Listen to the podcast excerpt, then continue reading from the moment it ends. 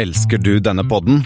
Gjennom Acasts nye supporterfunksjon kan du nå vise din støtte til podskaperne.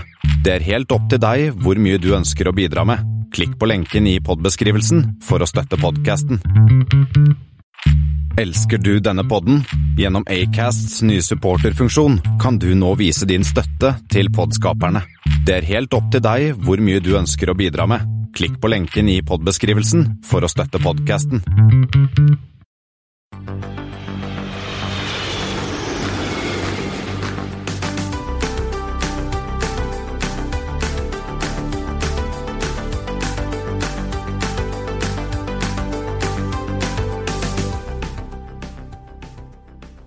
Hei og velkommen til Flypoddens flight 117. Det er i dag 6. juli, og sammen med meg, Espen Næss, hører du også. Kristian Kamhaug. Og denne gangen har vi med en gammel kjenning som gjest. Thomas Lone, Tom. hallo. Hei, tusen takk. Fint å være tilbake, som alltid. Det var eh, hyggelig at du kunne stikke innom. Så hvordan går det nå i flybransjen? Du er i jobb og full pakke? Ja da.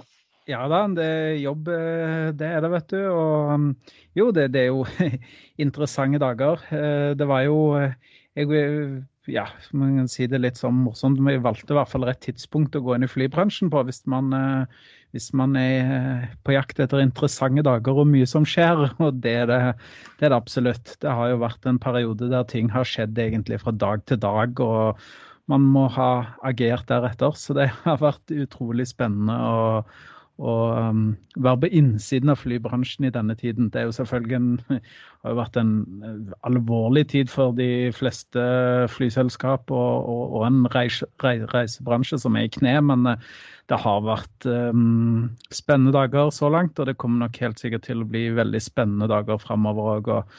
Og det er jo klart, vi i Widerøe har vært Europas største flyselskap her. Det, det har jo vært nevnt er tidligere. Og, og det, det, det, det sier jo noe om egentlig hvor eh, absurd det er kanskje det ordet som er, er riktig å bruke. At denne situasjonen, hvor absurd den har vært. Og så skal vi jo eh, si, Espen, at, at det kan hende at lyden i dag ikke er helt tipp topp, fordi at vi spiller opp, opp dette over Skype. For jeg har jo dratt på hyttekontor. Ja, du sitter på mitt kontor. Jeg sitter i Asker, og mm, da, da gjør vi så godt vi kan. Det er tross alt sommer, men da siste sending eh, før vi tar sommerferie i hvert fall. Altså, vi skal en tur da innom ruter som gjenstarter, flyselskaper som blir forsinket, og flytyper som trolig forsvinner.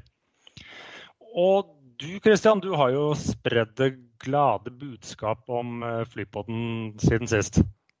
Ja, jeg fikk eh, muligheten eh, til det forrige uke. På onsdag, tidlig onsdag morgen så kunne du, hvis du var eh, tidlig oppe, høre meg snakke litt om flybransjen og korona og sånt på NRK Nyhetsmorgen. Du kunne faktisk se meg, for det visste ikke jeg før jeg kom ut, at det var, dette var jo TV.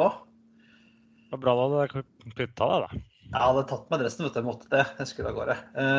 Så hvis du vil høre og se da, meg, så kan du gå inn på nrk.no og finne fram Nyhetsmorgen for onsdag morgen forrige uke. Og spole 53 minutter fram, så ser du meg. Vi har selvfølgelig en liten link til eh, dette, dette her. Og jeg var veldig fornøyd med at eh, han eh, på NRK, både før og etter mitt innslag, snakket om Flypodden. Så det var gøy. Det var jo alltid morsomt. Men jeg har jo noen flighter til dere, skal jeg si. Ja, det er bare å kjøre på. Da begynner vi med SV 117. RUHLHR. Ja, det er, det er Saudia. Eh, Ru, er det, er det Riyadh Det er Riyadh, ja. til Heathrow? Ja, den går med en 777-300 ER når den gikk. Den går vel ikke akkurat i disse dager.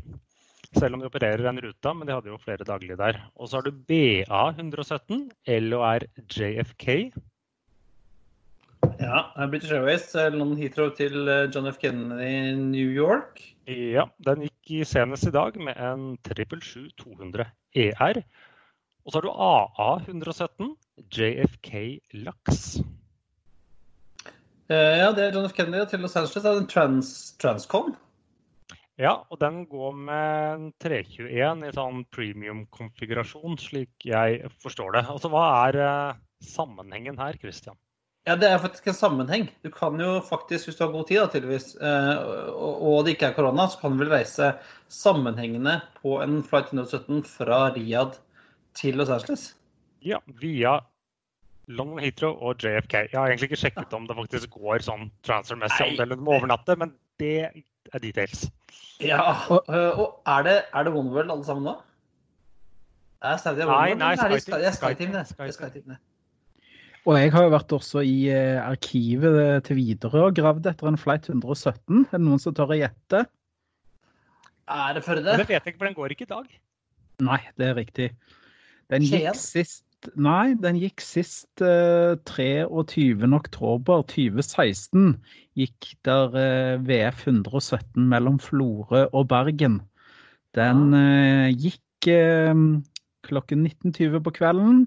Hadde ankomst 1955 og landa selvfølgelig før ankomsttiden 1947. Ja, jeg gjorde det, tenker jeg, ja. Og så er det jo et annet morsomt med 117. Det er jo SAS sitt IATA-nummer. Ja, det stemmer. Altså billett, så hvis du har en, en SAS-billett, så starter alle billettnumrene på 117. Ja, og det er jo litt Jeg vet ikke hvor mye vi skal gå inn i dette, her, men jeg har fått en anledning til å sette meg godt inn i IATA, hvordan det virker. og og, 117, både når det gjelder fraktbrev, som, som jeg representerer, er jo eh, altså disse doku, Man snakker jo om dokumenter i flyverden. Du har et fraktdokument, altså et fraktbrev. Og så har du et passasjerdokument. Det var den gamle papirbilletten som man alle husker. Um, og så har jo det blitt da til e-ticket, men, men, fremdeles så henger løpenummeret da som en billett som er utstedt av SAS. Enten det går på et Widerøe-flight, eller om det går på en Star Alliance-partner, eller om det går på andre Interline-partnere. Eh, er billetten utstedt av SAS, så, så, starter den alltid med 117, eh, fordi at det er IATA-nummeret til SAS. Det lærte Ja, det er ikke jeg, da. Ja, dette kan jeg, men andre har kanskje lært noe nytt i dag, Thomas. Og så uh, og, har vi jo ja. to, to flighter ikke gikk så bra med 117. Vi har én ulykkesflight og en kapring. Skal vi begynne med Det er lenge vi hatt kapringer. Ja, skal vi begynne med krasjen, Christian? Vi begynner med krasjen. det er Air France 117 som gikk Paris-Orly til eh, Santiago, Chile via Azorene, Guadeloupe øh, og Peru. Eh, den gikk med en Boeing 707-328 og krasjet den 22.6.1962. Eh, og det gikk ganske greit med den flighten hele veien, helt til den kom til Pont-à-Pitre. Er det som uttaler spør, du som er i det franske mye? Jeg er en del i Frankrike, men jeg er ikke så i det franske. Men eh, det er sikkert det. Ja. Det er altså flyplassen på Guadeloupe. Og der skulle de lande, og der var det litt av hvert. Det var, det var dårlig vær, det var thunderstorms, altså tordenvær. Og det var en del av bakkeutstyret som ikke fungerte som det skulle. Og litt av hvert sånn. Så når de skulle lande, så var flyet ca. 15 km ute av eh, kurs. Og pløyde da inn i en liten um, skog på en høyde som heter Dostan, eh, som betyr eselrygg eller noe sånt. Og eksploderte. Ingen overlevde denne tragiske ulykken. Eh, og i senere så ja, De var litt usikre på hva som var årsaken, men det var, sånn, det var dårlig vær, atmosfæriske eh, forhold og dårlig mm, ground equipment som gjorde at, uh, at uh, flyet styrta, visstnok. Men det ble også påpekt, uh, ikke fra Air France, men av andre, at det er mulig at piloten ikke var helt på topp hva gjelder kunnskap om flyet. Dette flyet var bare fire måneder gammelt, og det var andre krasjen med en Air France 707 på tre uker, faktisk. Eh, det er en historie fra han Tex Johnson, husker han, Espen? Ja, det var han legendariske Boeings eh, testpilot. For det, man kan ta det først, da, så skyldte jo pilotene på manglende utstyr på Eller Air France-pilotene skyldte jo på manglende utstyr på flyplassen.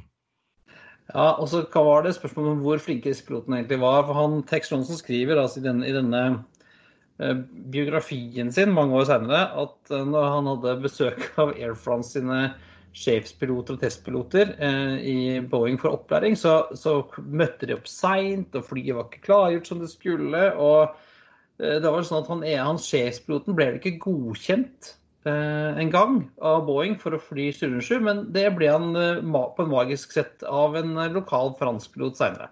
Så, voilà, så det skal kanskje ikke ha Kanskje de skal ha fløyet, uansett. Eh, og eh, i, vi har en liten, en liten, uh, liten gulrot til, Espen, hvis man liker fransk, karibisk Er det jazz? Jeg vet ikke. Eh, I hvert fall så finnes det en sang som heter Volet Boing La, som ble spilt i 1962 av den fransk-karibiske artisten Gerard La Vigne som lagde denne sangen til en hyllest til de døde i ulykken. Eh, og blant de døde så var faren faren hans faktisk. Ja, og Det som også er litt si, morsomt, er at normalt så prøver man enten dysse ned eller kanskje sette opp et minnesmerke. Men disse lokale myndighetene de, kalt, de navnga da veien som går opp til liksom, minnesmerket Route to Boeing. Men det kom, fikk jo ikke opp dette minnesmerket før i 2002, da. Ja, Veinavnet kom mye tidligere. Men uh, ellers så finnes jo AF 117 den dag i dag, eller fantes i hvert fall før korona. For den går da fra Shanghai til Paris. Ja. Med en Boeing. Med en Boeing, ikke en eh, Boeing La. Nei. Nei. Og hvis du er på tur i, på Guadeloupe etter hvert, så kan man faktisk finne, fremdeles finne vrakrester på denne eselryggfjellet, da. Visstnok. Ja. Så man er jo den typen.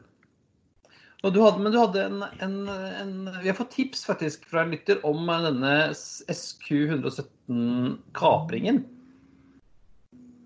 Ja, det stemmer. For det var da SQ, SQ Singapore Airlines flight 117 tilbake i 1991. Eh, nærmere bestemt mars 1991, så er jo 29 år siden nå. Den skulle da gå fra Sultan Abdul Aziz Shah Airport, som også er kjent som den gamle hovedflyplassen i Kuala Lumpur på den korte times flyturen ned til Singapore med en Airbus A310. Å, oh, en så uh, ordentlig fattis? Yes. Stuttjukk, uh, kort flight. Uh, det var 114 passasjerer om bord, inkludert da fire terrorister, ni crew.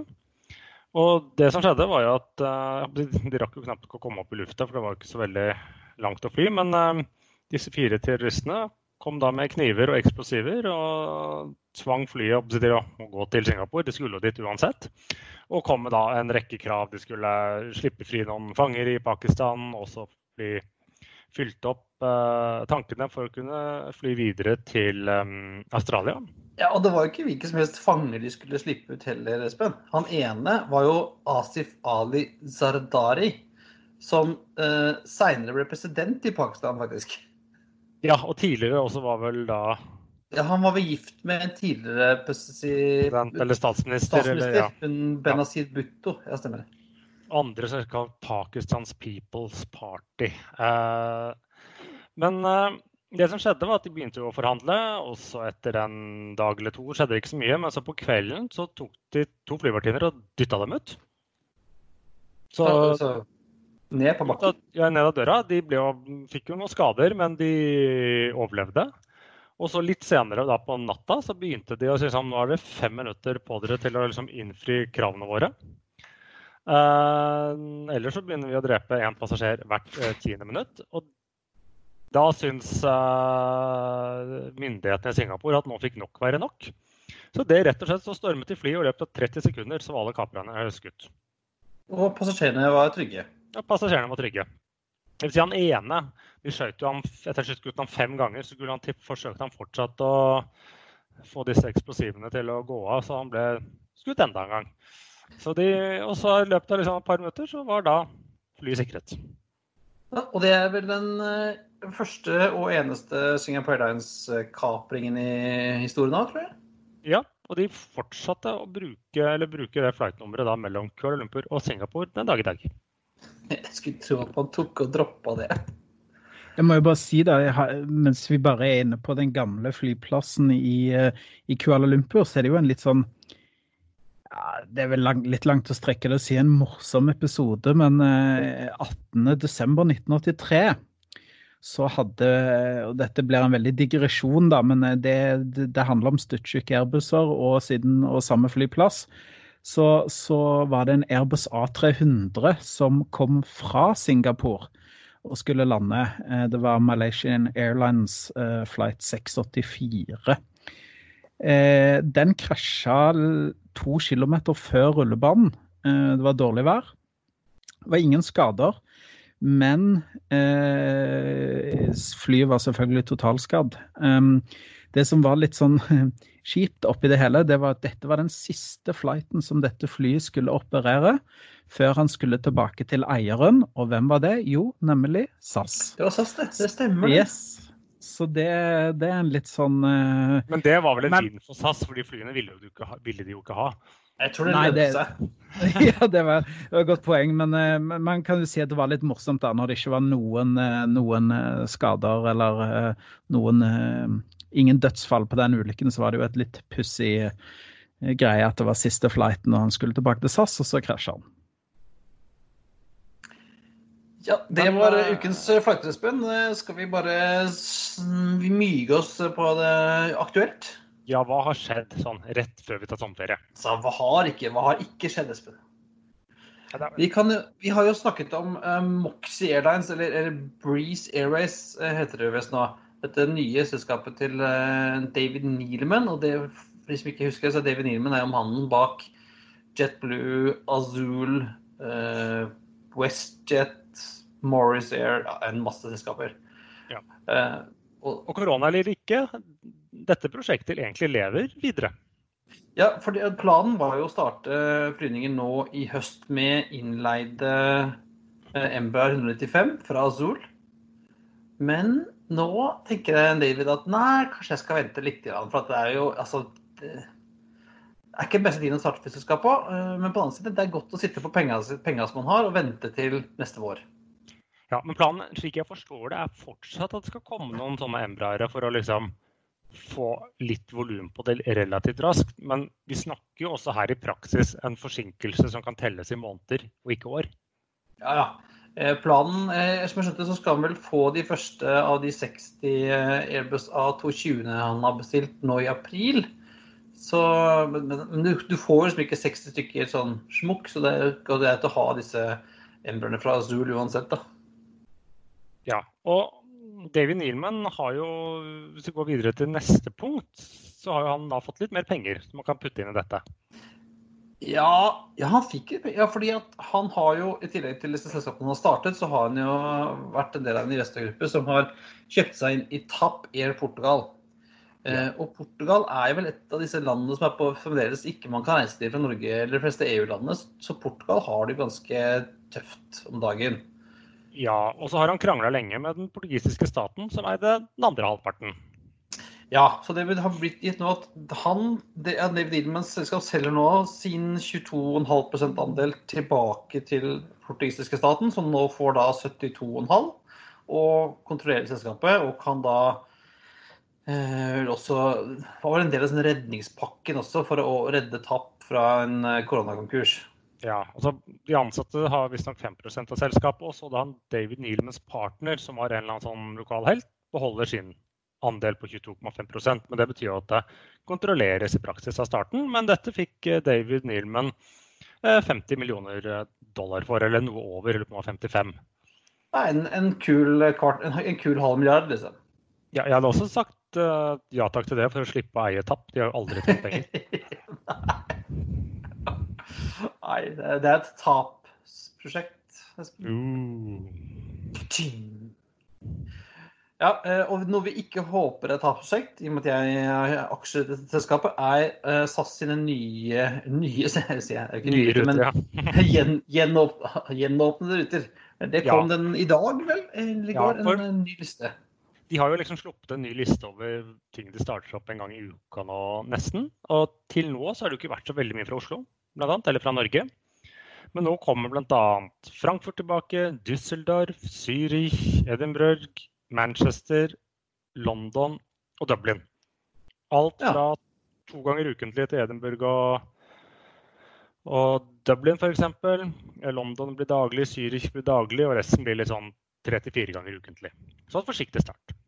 Ja, så da kan man altså reise tilbake til Storbritannia igjen. Og da er det ikke lenger Widerøe som er det eneste selskapet som flyr til Storbritannia fra Norge. Åh, godt å høre. Nei, det, har, det, det, har, vi jo vært en stund. Uh, så uh, ja, vi får vel ønske de andre velkommen etter, da. Ja, og så var det et par andre ruter, liksom Dublin og Zürich fra Stockholm, og litt mer økte litt frekvenser fra København og Stockholm til London. Ja, det er... sakte, men sikkert oppover.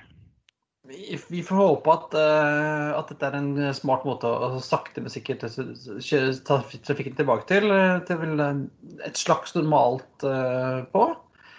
Men altså Det ser ja, det ikke så godt ut der ute.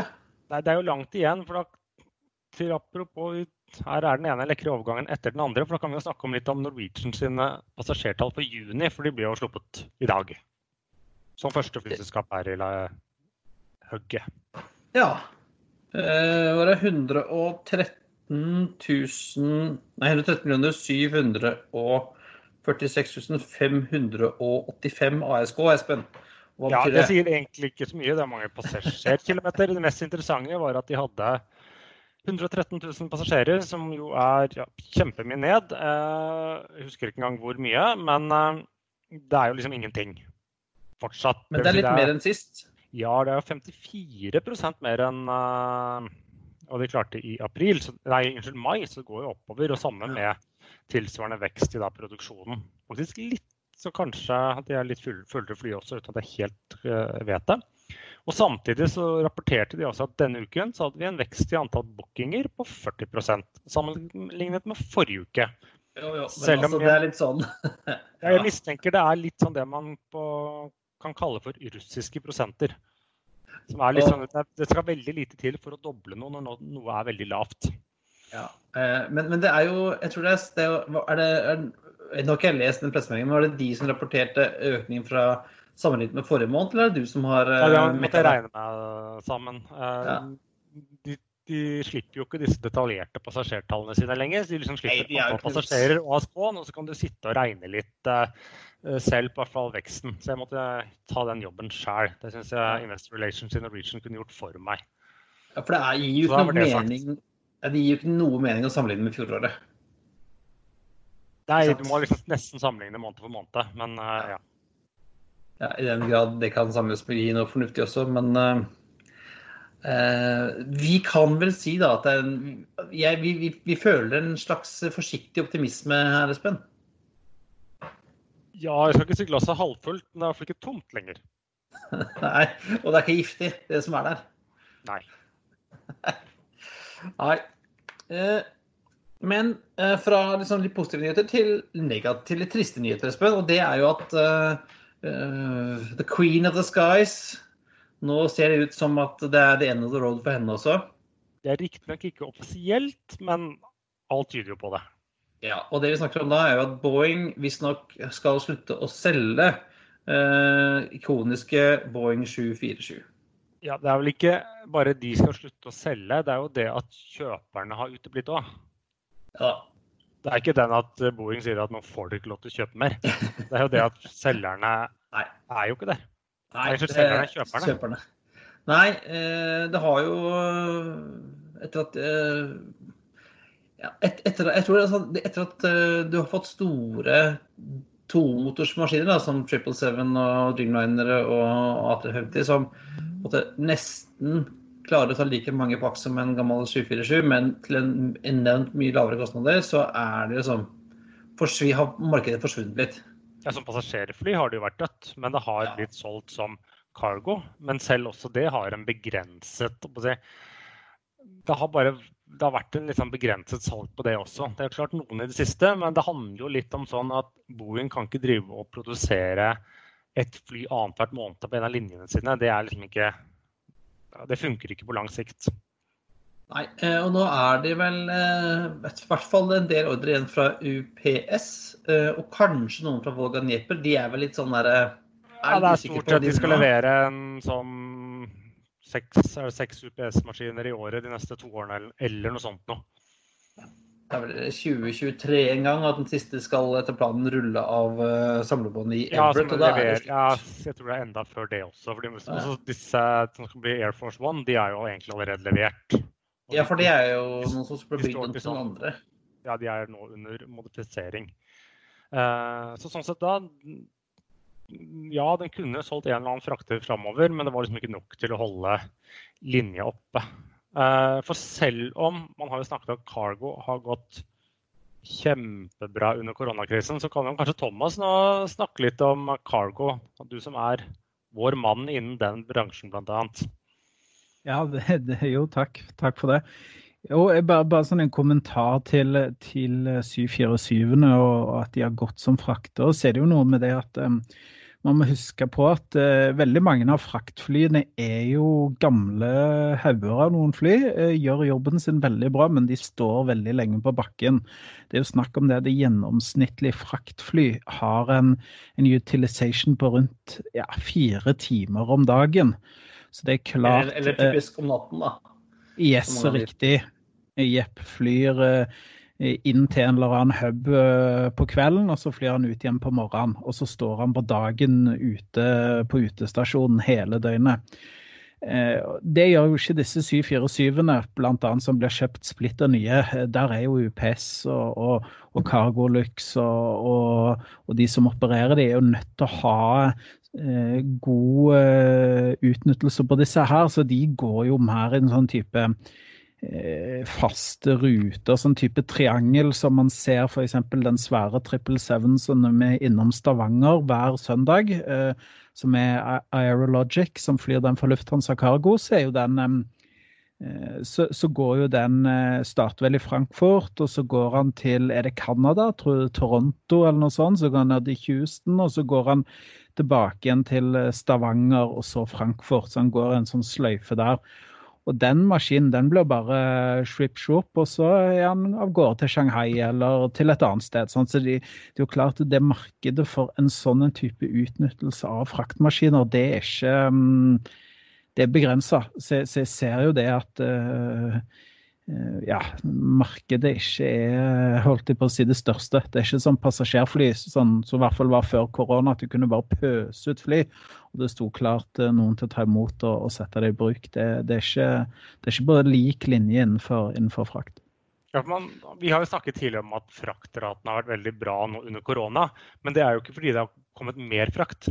Det er tvert imot. Nei, nei volumet av frakt har jo gått uh, gått veldig ned. Så Senest i dag så skrev jo Air Cargo World, uh, nei, Air Cargo News at, at uh, nå er fraktvolumene på vei tilbake. Man ser bedring i markedene. Eh, og en mer normalisering av ratene. Altså grunnen, til, grunnen til at eh, ratene f.eks. ut fra Asia har vært så høye, er jo nettopp pga. tilbud og etterspørsel. Det har vært en, en, viss etterspørsel etter flyfrakt, men tilbudet har jo vært nesten ikke-eksisterende. Og da er det jo klart, da, da, går prisen opp, for folk vil betale mer og mer for å få med munnbindene sine eller hva nå de måtte sende. Og da, da blir det jo klart eh, hadde, du, hadde, du, i disse månedene her en, en, en svær fraktermaskin stående, så visste du hva du skulle gjøre. Da skal du fly ned til Asia, eh, kanskje til Kina, og så skulle du fly ut til Kina fra til Vest-Europa eller USA eller andre steder som trenger smittevernutstyr. Ehm, men det, det, førte jo også til det at, eh, at ratene fra Asia til USA og til ehm, Europa eh, var jo til dels skyhøye, fortsatt eh, høye. Men, men motsatt vei mellom Europa til Asia har jo vært eh, nærmest dumpingpriser. Og det, det, er litt derfor jeg, jeg, tror man har sett mye fraktere egentlig på, på OSL i disse koronatidene. er jo nettopp fordi at store deler av industrien og, de tingene som har eksportert ting, det har vært nedstengt. Kan, hvor, hvor kan vi finne noe massivt som vi kan ta med oss? Og OK, vi får ikke godt betalt, men vi får dekka fuel-regningen, liksom. Eller pluss-minus litt til. Jo, da har vi laks på oss selv. Vi tar en stopp innom der på veien til Kina, og så får vi i hvert fall dekka noe av kostnadene våre. Så, så, så den at ratene har vært så gode, ja det stemmer det, men, men det har vært uh, primært ut fra Asia til USA og til Europa. Andre veien har det vært er kanskje like mye sorgen, da, bare med, med negativt fortegn at ratene har vært veldig lave. Fordi at der har rett og slett etterspørselen etter flyfrakt ikke vært så, sånn til stede. Jeg er på, på det, liksom, det er sånn smi mens jernet er varmt om dagen. Og jeg vet ikke om dere husker European Aviation? De fløy både 111 og noen 747-er på charter eh, fra England. Starta av en sånn tidligere Formel 1-sjåfør. Ja, Eller eier, tror jeg. Ja, eier, ja, tror jeg. Ja. Stoddart. Ja, Stoddart heter ja. et eller annet. James eller et eller annet. ja. De har jo nå uh, egentlig sånn, Selskapet har jo, har jo AOC, men har jo ikke fløyet noe særlig på en stund. Men nå har de altså kjøpt uh, en, en, noen av disse gamle A340-600-ene til, uh, til, Virgin. Og, jeg tror de har også kjøpt dem veldig billig.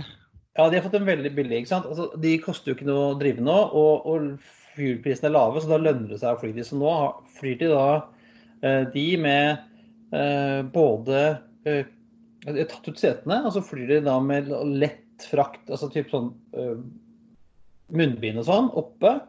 Kan de ta 40 000 kilo oppe, og så har de 52 000 kilo i containere nede. Uh, og de fløyer nå fram og tilbake uh, mellom Asia og Europa og tar de pengene de kan. Ja, og, og da har du jo, altså hvis du har 40 tonn oppe og og, 50 tonn nede, så er du ikke langt unna fraktkapasiteten på en, på en 777. Eh, den er vel sånn rett i underkant av 100 tonn. Sant? Så, så da, mm, da, får du med deg en god del. Og, og, det som har vært litt av skal vi si, mm, nøkkelen her, da, eh, grunnen til at vi har sett så mange altså, eh, Det er jo ikke bare å ta ut passasjersetene fra hoveddekket og sette inn frakt. Um, det er jo masse prosedyrer. Frakt du skal ha. Ja, ja. Så skal du ha munnbind, det veier jo ingenting. så Det er som bare kaste kassen inn. Nettopp, nettopp, og det har jo vært på en måte noe av suksessformelen. Det var det jeg tenkte jeg skulle si, at Den frakten som har vært etterspurt, har faktisk vært av en sånn karakter at du kunne fly den eh, Altså det har vært eh, ganske volumiøs cargo, men med lite vekt. Mm. Og da er jo det perfekt å bruke, bruke hoveddekket. fordi at normalt sett noe av det som man gjør når man kjøper en trippel syv frakter f.eks. Så grunnen til at den faktisk er dyrere enn passasjerversjonen, er jo nettopp fordi at hoveddekket er forsterka, sånn at den skal tåle all den vekta. Og det er det jo ikke på en, på en vanlig trippel seven f.eks. Så, så man, vi, sånn, vi var inne i den, Espen, denne fra Etiopien. Da så vi dette rulledekket og sånn. Ja, for det er et egen type gull. For normalt så er ikke det sterkt nok til å liksom kunne egne seg som frakter. Og det var jo også et uh, intervju med disse European Aviation, var det det het? Ja. Uh, at liksom, ja, Skal dere liksom bygge om flyene og skal dere sette inn fraktør og sånne ting? Det var, nei, nei, det koster altfor mye penger. Så hvis ikke de har liksom nok til å bare kunne få noen til å bære det inn døra, så var det ikke aktuelt lenger. Herlig opportunistiske.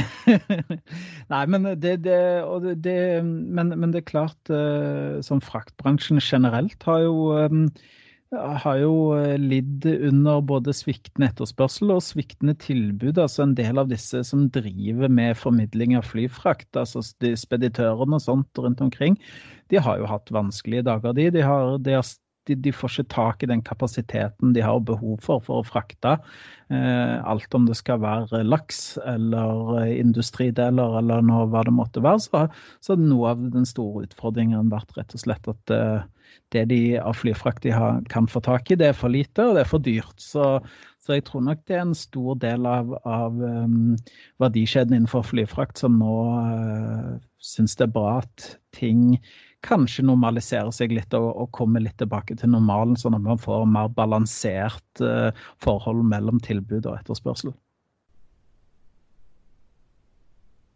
Ja. Uh, nå hadde vi ingen elegant overgang, Espen. Nei, for vi har tidligere uh, bl.a. snakket om Wizz Air som skal ned og starte selskap i Abu Dhabi, i godt samarbeid med de lokale heltene der nede. Eh, og så snakket vi vel om, var det i fjor høst, Air Arabia Abu Dhabi. Ja. Eh, Air Arabia er vel egentlig Hva er det? Er det Tuni... Nei, de er de Nei, er det ikke egentlig fra? Sharjah, Sharjah som er hovedbasen deres, sammen med Marokko? Er det der de er store? Ja, uansett. De er, de er som overalt. De er som Midtøstens EasyJet. Ja, litt sånn. Ja, litt sånn. Og sammen med da liksom samarbeid med Etiud, så var det jo meningen at de skulle starte opp en hel haug med ruter i mars. Det skjedde jo da ikke. Nei, det var dårlig, det var dårlig timing, det. Det var dårlig timing. Men nå skal de starte, var det 16. juli? Så det er vel slutt av neste uke? Nå rundt omkring der. Da starter de opp med første gang to ruter til Alexandria og Sohag i Egypt. Siste har jeg aldri hørt om, jeg vet ikke hvor i Egypt er. Men eh, da fra da Abu Dhabi. Ja. Da er de klare for å sette i gang. Ja, og hvis du er, har en idé om, et, om å starte et flyselskap, så kan du nå kjøpe et. Eller, Yay! eller, Hvor skal jeg kan sende pengene mine? Det er mange som skal kjøpe, men du kan også kjøpe et i biter. fordi at vi har snakket om, uh, Sør-Afrika er jo et, et, et sorgens kapittel. Og SA Express, som er lavprisselskapet til South African, nei, regionalselskapet til South African, er jo en slags, jo en slags likvideringsprosess. Eh, skulle var snakk om noen nye investorer i forrige uke, men nå denne uken her så har, eh, altså, har man lagt ut hele selskapet i biter på, på sånn online auksjonsplattform som heter Godov i Sør-Afrika. Så Er det Finn, vil- eller er det eBay, eller er det det er søren. Der kan du altså kjøpe både CRJ 200, du kan kjøpe motorer, du kan kjøpe deler, du kan kjøpe bakkeutstyr.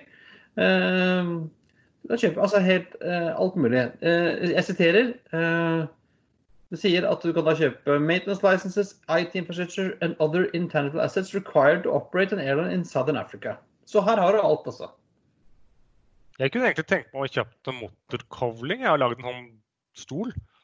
Ja, jeg Selger du noen, som- jeg så noen som hadde lagd en, en, eh, en campingvogn av en motorcovling fra en WC10. Det så gøy ut. Ja, nå har jeg så vidt beveget meg ut på veiene i det siste og sett alle de campingvognene som uh, kjører på E18, så jeg skal ikke bidra til flere av de. Nei. Men hvis du har lyst til å kjøpe noe fra SA Express, så skal og finne Godov, eh. Vi skal sikkert eh, se om vi kan finne en link til den og legge ut. Og eneste at du, du må kjøpe tingene as is, og du har ansvar for å hente dem også, Espen. Ja, det var det, da. Det Så- kan bli kinkig. Men da kan vi heller anbefale noe annet å kjøpe. Ja, det gjør vi. Eh, Jeg vil anbefale bok, en ny bok som har kommet. Det er sommerferie, det er tid for lesing. Eh, Og det er kommet en ny bok som heter Royal Vikings, The Saga of Scandinavian Airline Systems and Predecessors. Den er skrevet av Gunther Endres. Har du hørt om han, Espen? Jeg burde sikkert sagt ja, men nå sier jeg nei. Ja. Ja, ja, ja. ja. Ja. Eh, Thomas? Ikke? Nei? Eh, Han Nei. har skrevet masse flybøker. Jeg har mange Gunther Endres-bøker i hylla. Eh, Denne boken gis ut av forlaget European Airlines. Og de kjenner vi til, Espen. Ja, for de holder til i Spikkestad. Ja, stemmer. Eh, gitt ut masse flybøker tidligere. Eh, Rob Mulder, som var gjest eh, i fjor, eh, driver det forlaget. Eh, denne boken har 260 sider med sånn ca. 100 års skandinavisk luftfartshistorie. For den starter jo med, med DDL og DNL og sånn, lenge før 1946. Eh, masse bilder. Noe av det har vi sett før, men noe er nytt. Særlig mye av det eldre. Jeg har så vidt begynt å lese kapittelet om DDL. eh, Og der var det mye jeg ikke hadde sett før. Eh, ellers så har jeg ikke, jeg har ikke lest heller. jeg har bladd en del også. Jeg fikk den nå sent i forrige uke. Men det, det lover godt, altså. Det er en, en, en bra bok. Gunther skriver bra, har gjort bra research, vært, vært rundt omkring overalt. Eh, Så um, den er, eh, ja, den er, den er eh, å anbefale.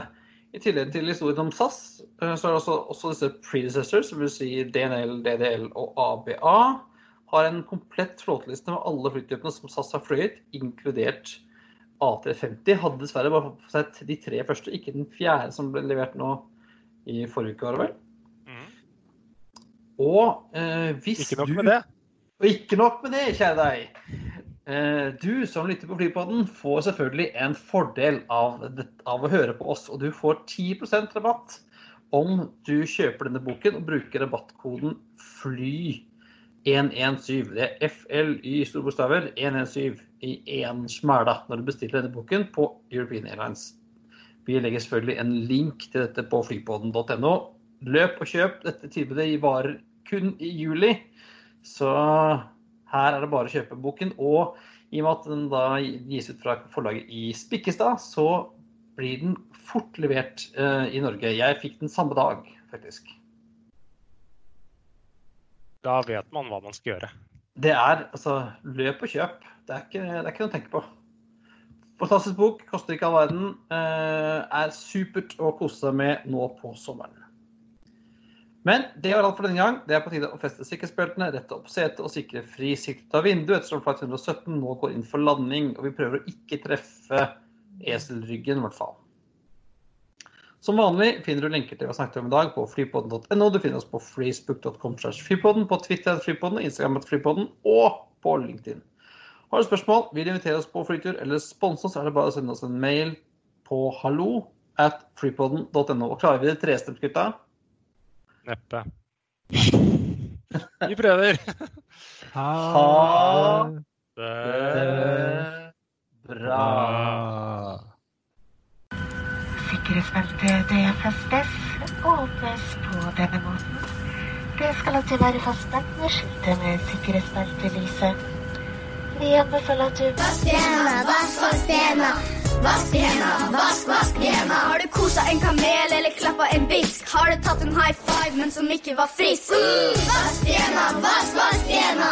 Vask hendene, vask, vask hendene.